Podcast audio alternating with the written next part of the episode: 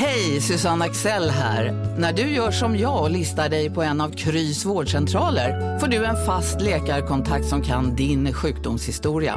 Du får träffa erfarna specialister, tillgång till lättakuten och så kan du chatta med vårdpersonalen. Så gör ditt viktigaste val idag, listar dig hos Kry. Välkommen till Maccafé på utvalda McDonalds restauranger med Baristakaffe till rimligt pris. Vad sägs om en latte eller cappuccino för bara 35 kronor? Alltid gjorda av våra utbildade baristor.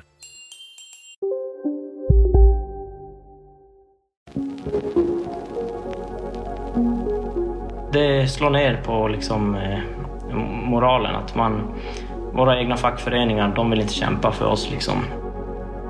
Det känns för jävligt rent ut sagt. Från Monopol Media, det här är Kapitalet med mig Elinor Alborn Och med mig Gunnar Harjus. och det här är Valdemar Tappojärvi. Jag arbetar i gruvan här i Kiruna åt LKAB och eh, jobbar som lastare.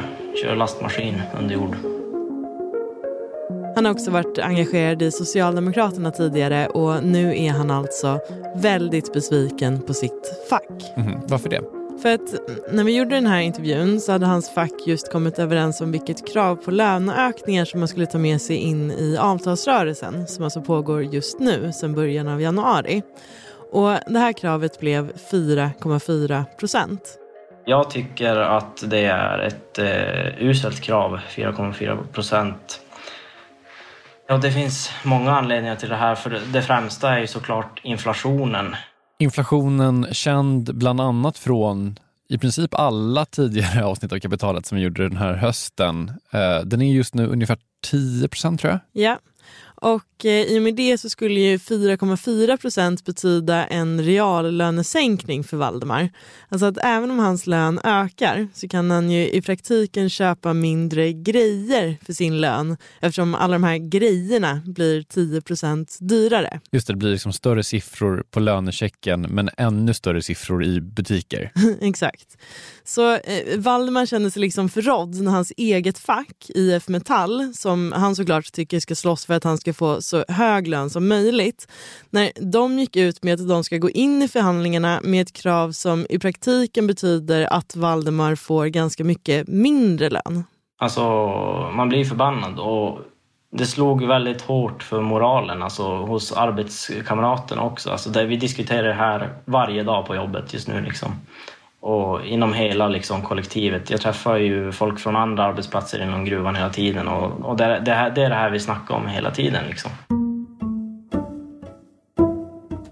En till som satte kaffet i halsen när det här kravet på 4,4 procent från facken kom ut var Mattias Dahl. Men han reagerade av helt motsatt skäl. Han tyckte att det var alldeles för högt. Ja, absolut.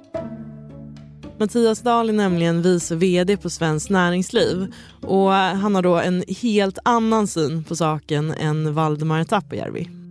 Vi noterar ju att det är det högsta kravet facken ställt på 20 till 25 år och det gör man samtidigt som man själv pekar precis på det vi pekar på. Sverige är på väg in i en lågkonjunktur. Så, hur kan den här siffran för facken göra att liksom alla går i taket? Dagens Kapitalet ska handla om den svenska avtalsstriden som det kanske slår extra mycket blixtar om just i år. Vi ska också fråga oss om den svenska modellen kanske har gjort sitt. Efter det här.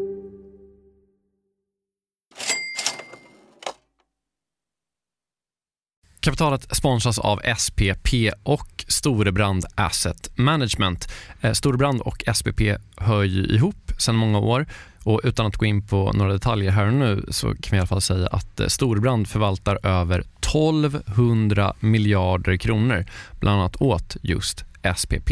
Och du har ju träffat Storebrand Jakob och pratat om eh, Kina Ja, eh, vi, vi pratar i alla fall om hur Kina blivit en sån otroligt viktig del i omställningen av energisystemet. Eh, över 70 procent av värdekedjorna inom vind och solkraft kontrolleras av Kina, vilket är s- otroligt när man tänker på det. Ja.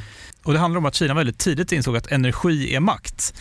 Och att man genom sol och vindkraft kan göra sig typ fri från att importera olja och gas och sånt. Then if you think that tomorrow or today's, you know, power base is going to in a large part be about renewables, then obviously having a stranglehold on those renewables and all the technologies that go into it is going to be part and parcel of that power play.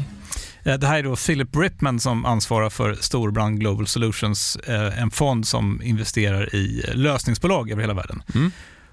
Och hela det här avsnittet om Kina och geopolitiken som nu liksom är invävd i den globala omställningen, eh, den släpper vi som en bonus här i kapitalet nu i veckan. Ja, och mer information om storbrand kommer vi få i kommande avsnitt och man hittar också förstås mer om man vill ha det här och nu på storebrand.se. Vi säger stort tack till SPP och Storbrand. Tack!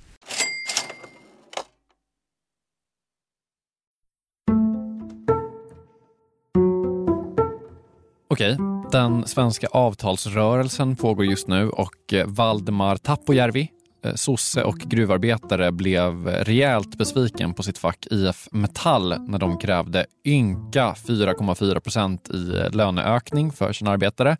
Samtidigt blev Mattias Dahl på Svenskt Näringsliv i sin tur upprörd över att facken krävde hutlösa 4,4 procent, det högsta på 25 år. Ja, eller enligt Mattias Dahl så är fackens krav ännu högre än så för att han tycker att man ska ta med LOs låglönesatsning och då blir det typ 5,2 procent enligt hans sätt att räkna. Oavsett så har de liksom gravt motsatta synsätt på om 4,4 procent är pyttelite eller jättemycket. Exakt. Och En annan grej som sticker ut i år är att arbetsgivarsidan också har kommit med ett konkret bud, alltså innan förhandlingarna har dragit igång. Och Det är på 2% i lönepåslag och 3 000 spänn i en engångssumma till alla heltidsanställda. Mm. Och Det här är alltså jätteovanligt. Alltså de brukar typ säga så här, äh, löneutrymmet är litet och eh, fackets krav är alldeles för dyra.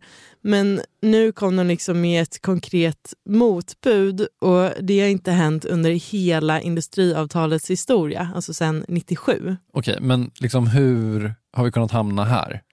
Ja, alltså att de här två sidorna finns och bråkar med varandra, det är inget nytt. Nej, det känns som en väldigt klassisk konflikt. Mm.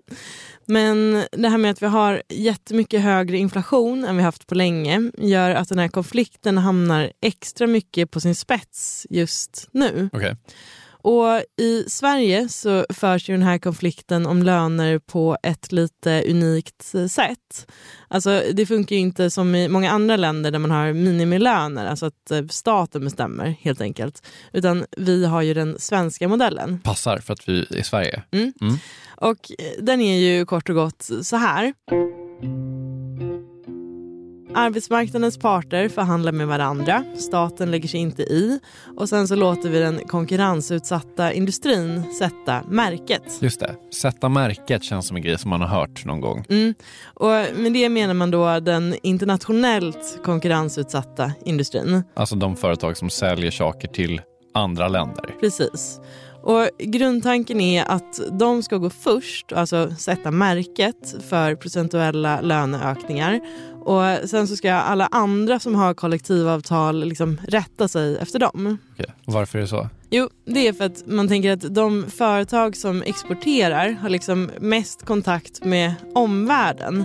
Så de märker vad som funkar kan man säga för att liksom behålla Sveriges konkurrenskraft. Mm. Och De har också svårt att föra över ökade lönekostnader på sina priser eftersom de säljer till andra länder.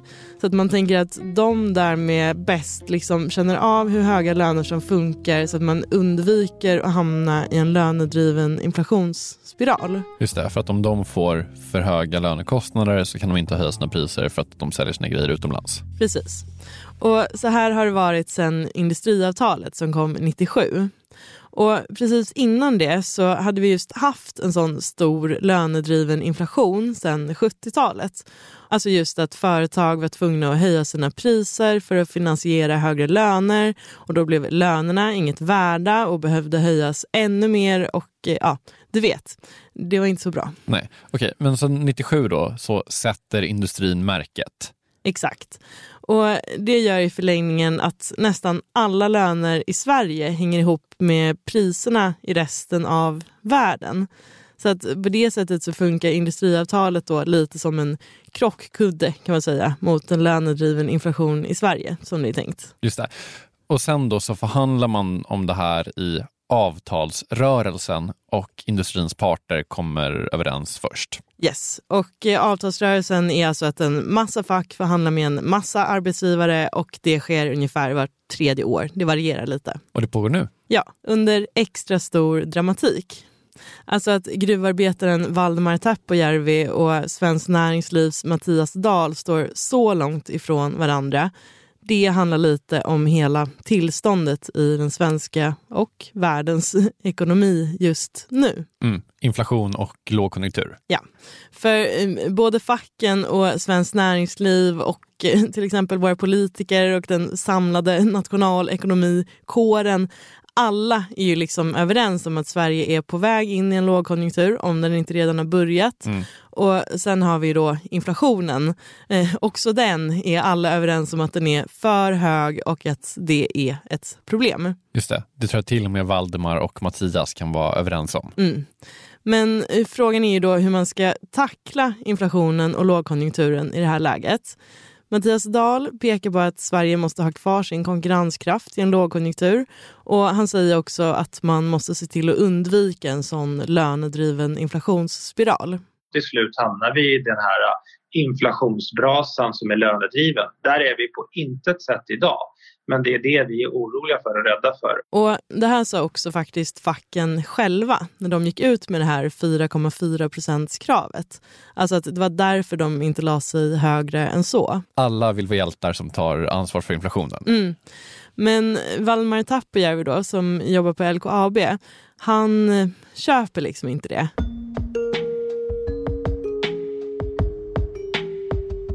Han tycker det är orättvist att just löntagare ska gå med på lägre löner för att hålla nere inflationen.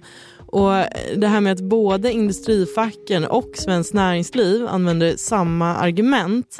För honom känns det liksom som att hans fack har ställt sig på arbetsgivarsidan.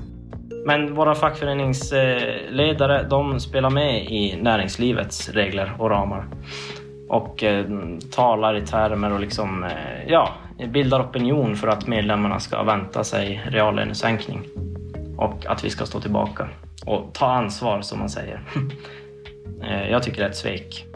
Okej, men han måste väl också se det här med inflationsbrasan? Ja, det gör han. Men han tycker att man ska ha mindre vinster istället för att finansiera högre lönelyft. Så om man gör det så behöver man liksom inte höja priserna så att det blir mer inflation. Företagen kan ju minska sin vinst också om vi skulle liksom kräva högre löneanspråk för att kompensera för den ökade kostnaden det blir för företagen då med löneökningar. Men enligt Mattias Dahl på Svenskt Näringsliv så har ju inte alla företag så mycket vinst att ta av. Alltså vissa företag går jättebra. Andra har gått bra och några har gått mitt emellan och många har gått superdåligt. Vi har ju flera branscher som i princip har varit utslagna som en följd av pandemin. Eh, flygindustri, bussar, vi har besöksnäring och så vidare. Och så vidare. Så det ser ju väldigt, väldigt olika ut. Eh, när vi förhandlar kollektivavtal och, och lönenivåer då förhandlar vi ju framåt och så tänker vi tillsammans med facken hur mycket klarar vi nu av att höja kostnaderna med löner till exempel utan att försämra vår konkurrenskraft. Eh, och då vet vi ju att för vissa företag blir det tuffare än för andra och för vissa blir det bättre än för andra. Eh, men, men, så är så att säga gången. Man kan inte liksom, säga efterhand att ja, men nu gick det bra för företaget A, nu får de eh, ha lägre vinst. Och så, här. så funkar inte systemet. Det, är liksom, det ena har inte med det andra att göra på det sättet. Okej, så att om man ska summera Mattias Dahls take på det här så kan man liksom inte riktigt tänka så som Valdemar vill för att olika företag har olika vinster och därför kan man inte koppla ihop vinster och inflation så per definition. Liksom, det har inte med det att göra enligt honom. Precis. Men om man frågar Fredrik Enge Andersson som är docent i nationalekonomi i Lund så kan man eh, visst tänka så. Om du tar från vinsterna till lönerna så blir det bara en omfördelning. Fredrik Enge Andersson har forskat på inflation och är liksom jättebekant med den här diskussionen. Ja, som löntagare ska ta ansvar för inflationen. Det finns ett enkelt argument och det finns ett mer avancerat argument som går åt andra hållet. Det enkla argumentet det är då det här med den lönedrivna inflationsspiralen. Om vi kraftigt höjer lönerna så måste företagen höja priserna för att finansiera de högre lönerna. Och då fortsätter inflationen och det blir jobbigare för Riksbanken att, att få ner inflationen till de 2 procenten. Så att för att hjälpa Riksbanken så ska man hålla igen på, på lönelyften. Det är liksom det enkla argumentet. Vad är det andra argumentet då? De senaste åren så har vinstutvecklingen i näringslivet totalt sett, inte alla företag men hela näringslivet, ökat väldigt mycket snabbare än lönerna. Så man tar den kakan som, som näringslivet eh, skapar, då ska vi fördela den mellan eh, de som, som jobbar och får lön och de som eh, har kapitalet och ska ha kapitalavkastning. Och enligt Fredrik Enge Andersson så har alltså kakbiten som går till vinster blivit större och större de senaste åren. Och den andelen som går till löner har minskat. Och det implicerar ju också att det kanske också finns ett, ett visst löneutrymme. Alltså att höja lönerna då på kanske vinsternas bekostnad, men vinsterna kanske har blivit lite för höga. Om det nu är så att vinsterna har blivit för höga. Det finns såklart många som skulle protestera mot det. Mm, verkligen en åsiktsfråga såklart. Men det skulle i alla fall vara ett argument för att lönerna skulle kunna öka mer än vad det andra argumentet säger. Liksom. Alltså det om att högre löner skulle spä på inflationen. Mm. Sen ska man ju vara medveten om att vi har haft en väldigt exceptionell period med extremt mycket ekonomiska stimulanser från centralbankerna, inte minst från Riksbanken. Och det, de stimulanserna kan ju eventuellt ligga bakom lite av företagens vinster. Han syftar alltså på de här ekonomiska räddningspaketen som kom under pandemin. Vinsterna som uppstått eh, i företagen i näringslivet tror jag mycket beror på den expansiva penningpolitiken. Eh, att det är den som har drivit upp tillväxten i ekonomin drivit upp efterfrågan och också gjort att många företag gör väldigt stora vinster. Och det gör då att han tänker att det borde finnas ett utrymme att höja lönerna lite grann. Och att ta det från vinstutrymmet. För den här andelen som går till vinster har ju ökat sedan 2019 och lönerna har fallit tillbaka i näringslivet. Eh, så jag tror det finns ett litet utrymme för att korrigera det där.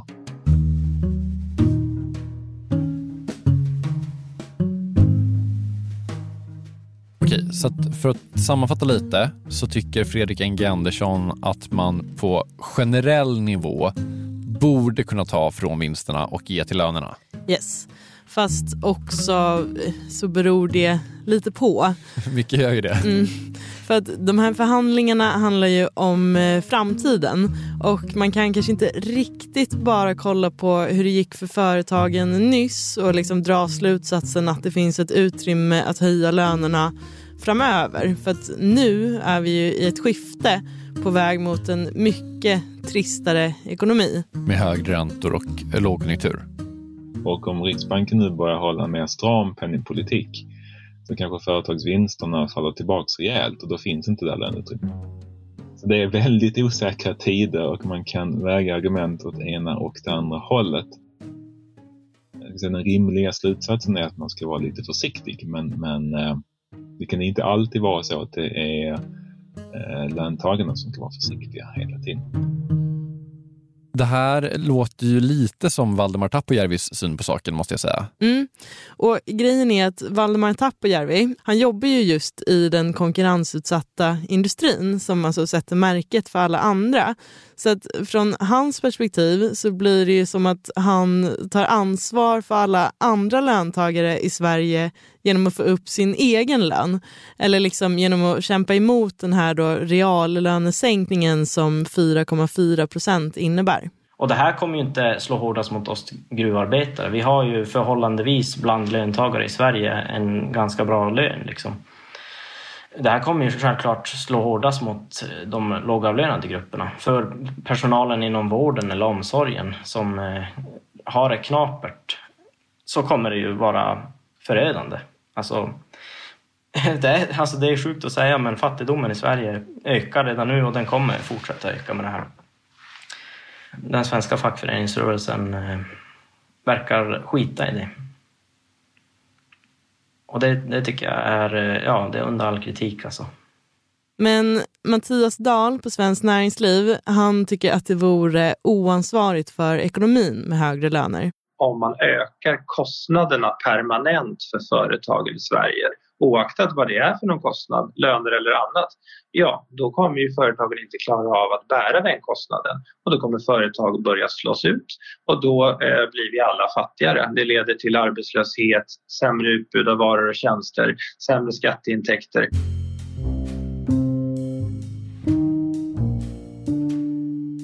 Okej, så att både Valdemar och Mattias varnar för någon slags fattigdom här, men från helt olika håll. Mm. Och nu pågår alltså förhandlingarna mellan de här parterna och eh, det är det som är den svenska modellen in action, så att säga. Hela kärnan här. Men Fredrik Enge Andersson, han tycker alltså inte att det har blivit helt perfekt de senaste åren. Bland annat för att han tycker att facken har fått för svag position så att det blivit liksom för mycket vinster, för lite löner.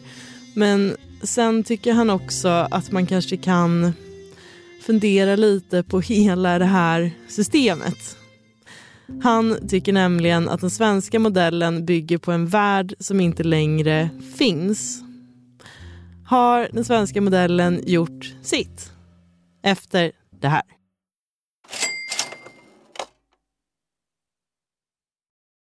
Jakob, vi har ett samarbete med Pareto Business School och det här är jag rejält nyfiken på. För Ja. att eh, eh, så här, vi jobbar ju sida vid sida, bokstavligen, sitter bredvid varandra och då och då så håller du upp ett finger och säger nu måste du vara tyst i en timme för nu ska jag eh, göra något Pareto.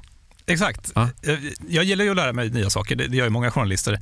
Eh, Så den här våren går jag då en åtta veckor lång så kallad mini-MBA. Eh, Alltså jag hade gärna gått en riktig MBA också, men, men ja, jag har inte tiden det kräver och och framförallt har ingen arbetsgivare som vill betala 800 000 för att låta mig göra det. Nej, eller kanske du har, du är ju arbetsgivaren. ja, snål, snål arbetsgivare. Mm. Eh, det- eh, Det är då Jens Bäckbom och Mattias Eklöf, två svenska entreprenörer som har skapat den här utbildningen just eftersom det finns ett gigantiskt hål mellan typ YouTube-filmer och en, en riktig MBA. Ja, och det här är då Pareto. Exakt, Ja. Pareto MBA. Eh, Paretos utbildning kostar cirka 25 000 kronor och, och under åtta veckor så lär man sig jättepraktiska och tillämpbara modeller för hur man startar, skalar upp, driver och säljer bolag.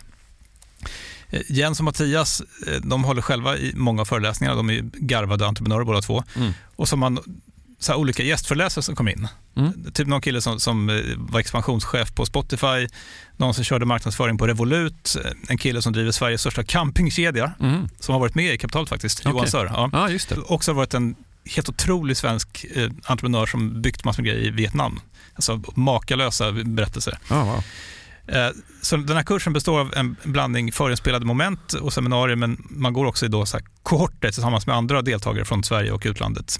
Jättenyttigt, eh, tidseffektivt och funkar jättebra för, för den som vill driva egen verksamhet som, som typ vi gör här. Eller om man typ driver projekt och affärer i större bolag. Wow. Om man är taggad på att eh, bli en del av den här, liksom, vad ska man säga, Jakob skolan om man vill bli som dig, lära sig lika mycket som, som du har lärt dig, vad, Ja. vad gör man då? Eh, Nästa kursstart är 5 april. Så vill man ta ett kliv framåt i sin utveckling eller karriären eller så, gå då till arbetsgivaren och kolla om du inte kan gå den här utbildningen. Priset ligger alltså på 2500 euro, men ni får 10% rabatt om ni anger Monopol Media som referens när ni eh, gör er anmälan. Mm. Eh, Man kan också gå in på paretoschool.com för att eh, läsa mer och ja, se lite smakprover från själva utbildningen. Då. Mm. Så att eh, man sparar jättemycket pengar i för att gå Handels MBA och man sparar ytterligare pengar om man tar del av eh, Monopol Media-erbjudandet. Ja, exakt. Ja, en no-brainer som vanligt, Plus att man blir ju eh, alumnkollega med mig då. verkligen. Så stort, stort tack till eh, Pareto Business School och eh, gå in på paretoschool.com.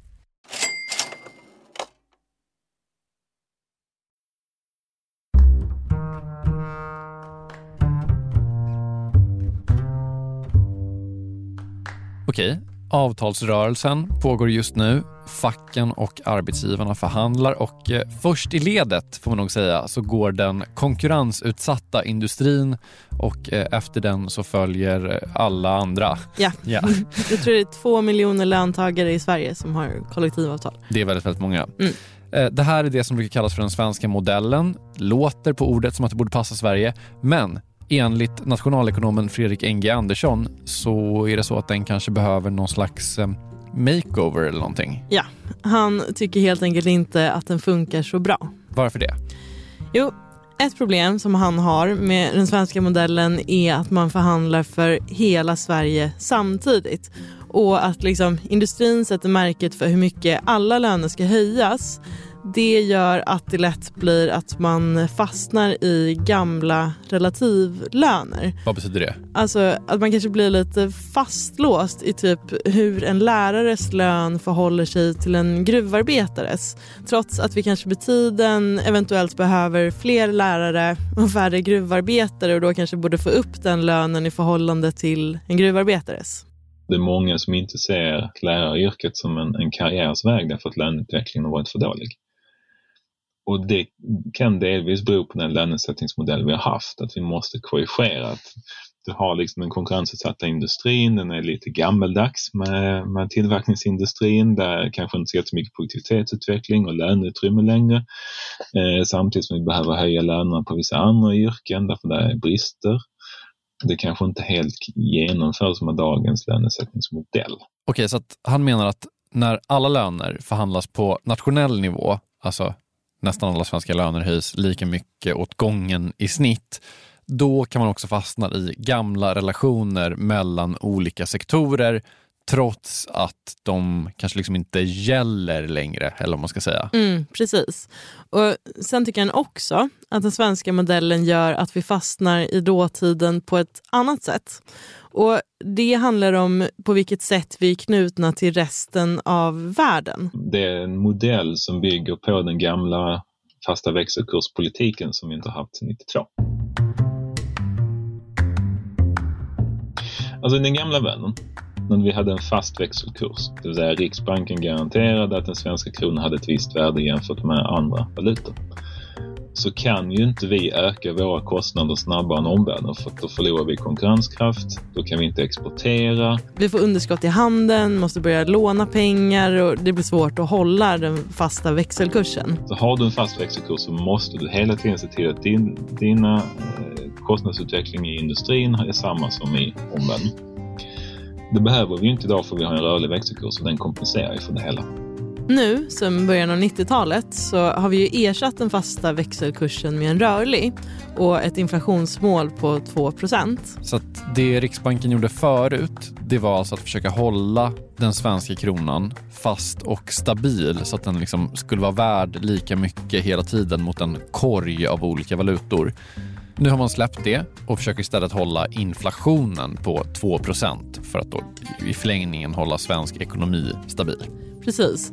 Och eh, det Fredrik menar med att den rörliga växelkursen kompenserar det är alltså att om lönerna blir lägre i Sverige jämfört med resten av världen så blir också svensk inflation lägre än i övriga världen och då blir den svenska kronan starkare och på det sättet så har vi liksom kvar vår konkurrenskraft. Men sen menar han då också att den svenska modellen, alltså industrin går först och så vidare, att den ändå är baserad på den gamla världen med den fasta växelkursen. Men vi har ändå kvar det gamla tänkandet. Eh, och det har i viss mån varit bra för det har skapat stabilitet på, på arbetsmarknaden. Det har skapat rimliga förutsättningar under lång tid. Så vi har inte fått 70-80-talets löneinflationsspiral. Eh, men det finns också nackdelar med den. För vi behöver inte ha exakt samma kostnadsutveckling som i Europa längre för vi har ju växelkursen som kompenserar. Så nu är alltså den svenska löneutvecklingen ändå knuten till resten av världen på ett sätt som Fredrik Enge Andersson tycker blir eh, knasigt. Därför att en, en anledning till att Riksbanken hade så svårt att få upp inflationen 2015 till 2019 var att löneutvecklingen i Europa var väldigt svag för man hade precis kommit ur den europeiska skuldkrisen. Och så sitter svenska fackföreningar i den konkurrensutsatta industrin och förhandlar och då kan de inte kräva jättemycket högre löner än vad som sker i Europa.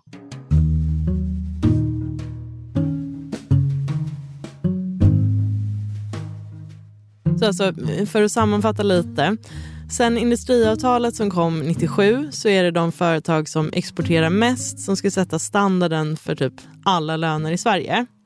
Och för att kunna konkurrera med företag i andra länder så måste deras lönekostnadsökningar följa samma kurva liksom, som resten av världen. Och sen följer alla andra löner i Sverige efter enligt samma kurva. Och så blir det liksom även om ekonomin i Sverige inte följer samma kurva som resten av världen. Så att även när det går dåligt i andra länder men bra i Sverige så får vi ändå låga löneökningar här. Så helt plötsligt importerar Sverige de låga lönelyften från Europa trots att vi har en väldigt stark ekonomi. Så Riksbanken får svårt att få upp inflationen därför att vi sätter krislöner på grund av Europa. Eh, så det är, det är ett ganska märkligt eh, lönesättningsmodell vi har fått. Och anledningen till att det blir så här märkligt då, enligt Fredrik Enge Andersson, är alltså att den svenska modellen bygger på en fast växelkurs som vi inte längre har. Exakt, som vi inte haft sedan 90-talet. Alltså den här modellen vi har nu, den är från 97. Så jag tror man behöver tänka igenom hela den modellen, hur det fungerar och vad vi ska ha den till. Vi vill inte ha löner som sticker iväg och är orimliga. Men vi vill också ha möjlighet att, att uh, kunna korrigera när saker blir fel. Okej, men med allt det här sagt, nu har vi ju den svenska modellen. Ja, och alltså de flesta verkar ändå väldigt nöjda och stolta över den som du kanske har hört folk skryta om. jag tycker man då och då hör typ så, den svenska modellen ska gå på export. Ja. Det tycker jag är en, en så klassiskt reportage i en tidning. Precis. Och alltså Mattias Dahl till exempel på Svenskt Näringsliv, han tycker att den svenska modellen är toppen. Det, det är absolut ett bra system och eh, absolut det bästa systemet som vi har kunnat komma på. Eh, och det säger jag med, med eh, gott självförtroende. Dels för att vi tycker det, näringslivet, Svenskt Näringsliv. Men jag vet också att facken tycker det, för det är vad de säger. Jag vet att statsmakten, alla partier uttrycker starkt stöd för det här i riksdagen år på år. Och jag vet att de andra europeiska länderna inom EU kommer hit och säger vilket bra system ni har. Vi önskar att vi kunde ha ett liknande system. Så att, är det det bästa systemet någonsin? Eh, nej, eh, det finns alltid bättre system men ingen har kommit på det hittills.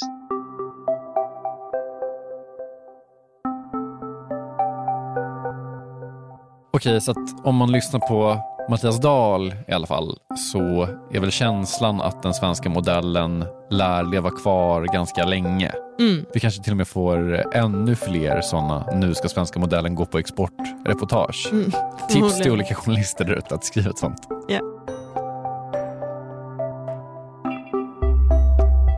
Kapitalet är slut för idag. Vi som gjort det här avsnittet heter Elinor Alborn och Gunnar Harrius. Det är mixat av Kristoffer Krook och vår ansvariga utgivare heter Jakob Bursell. Vi är tillbaka nästa vecka. Hej då! Hej då!